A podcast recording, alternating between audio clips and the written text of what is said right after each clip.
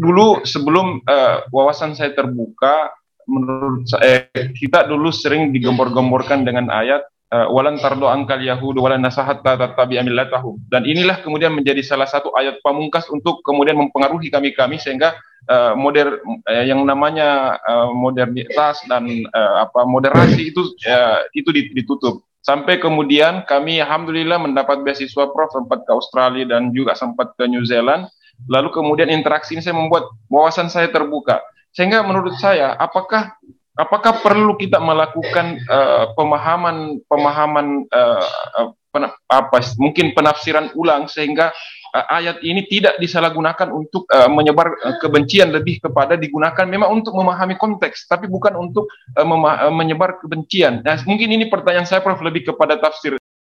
Podcast Alwi Sihab. Selamat datang di podcast Alwi Shihab.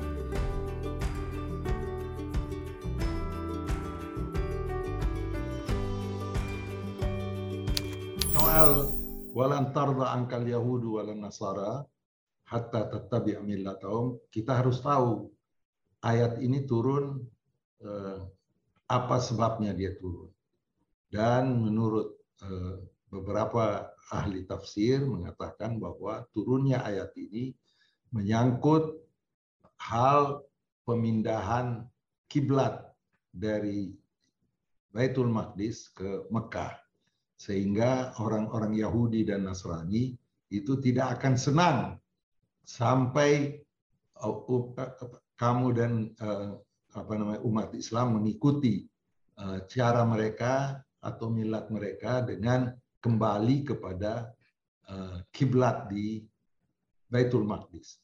Tidak berarti secara umum orang Yahudi dan Nasrani itu akan selalu Eh, menganggap bahwa mereka tidak senang sampai kalian mengikuti mereka. Pada dasarnya itu adalah sifat manusia. Orang Islam juga uh, senang kalau ada orang Kristen dan Yahudi masuk Islam kan. Jadi uh, tidak saja berlaku kepada orang Yahudi dan Nasrani bahwa mereka senang kalau bisa menjadikan umat Islam itu berpihak kepada mereka. Kita juga senang kalau ada orang Yahudi dan Nasrani yang uh, memihak agama kita lalu menganut Islam. Ini tidak bisa kita anggap bahwa itu adalah statement yang menyatakan bahwa karena itu maka agama Islam menganggap bahwa Yahudi dan Nasrani ini adalah musuh abadi. Nah, hal-hal yang semacam ini yang menjadikan penafsiran Al-Quran jadi menjurus kepada hal itu. Saya kasih satu contoh. Kalau waktu kita baca Al-Fatihah, kan di situ ihdinas siratal mustaqim.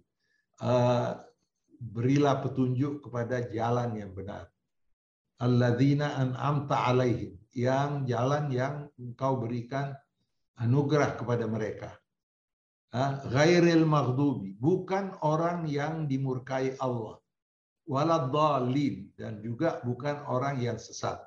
Penafsirannya oleh garis keras adalah ghairil maghdubi adalah orang Yahudi. Ad-dhalin yang sesat adalah orang Nasrani. Saya tidak masuk di pikiran saya bahwa Al-Quran uh, menganggap bahwa semua orang Yahudi itu dimurkai Allah dan semua orang yang sesat itu adalah orang Masih. Padahal di dalam Al-Quran ada kata-kata siapa yang eh, Allah eh, murkahi adalah mereka yang membunuh manusia tanpa alasan. Itu ghadiballahu. Jadi dia ambil saja karena sudah musuh dengan dua ini, ah, diisi dengan nilai-nilai kekerasan tadi, lalu ditafsirkanlah ghairil maghdubi mereka yang bukan mereka yang dimurkahi Allah. Siapa yang dimurkahi Allah? Yahudi. Siapa yang sesat? Nasrani. Ini yang semacam ini sudah menjadi bagian dari pemikiran dan isi otak umat Islam. Dan tiap hari kita baca Al-Fatihah ini paling tidak 17 kali. Jadi sudah menjadi bagian dari persepsi kita bahwa yang dimurkai Allah itu adalah Yahudi dan yang sesat itu adalah Nasrani. Lalu bagaimana kita menjawab laisu sawa mereka itu tidak semuanya sama. Ini kan Al-Qur'an bilang. Jadi tidak ada generalisir. Jadi artinya penafsiran mengeneralisir ini Yahudi dan ini Nasrani adalah penafsiran yang tidak tepat. Kompetensi pribadi itu harus kita uh, dasari kepada tuntunan yang benar, teks yang pas, keteladanan yang nyata, dan konteks. Saya ulangi konteksnya.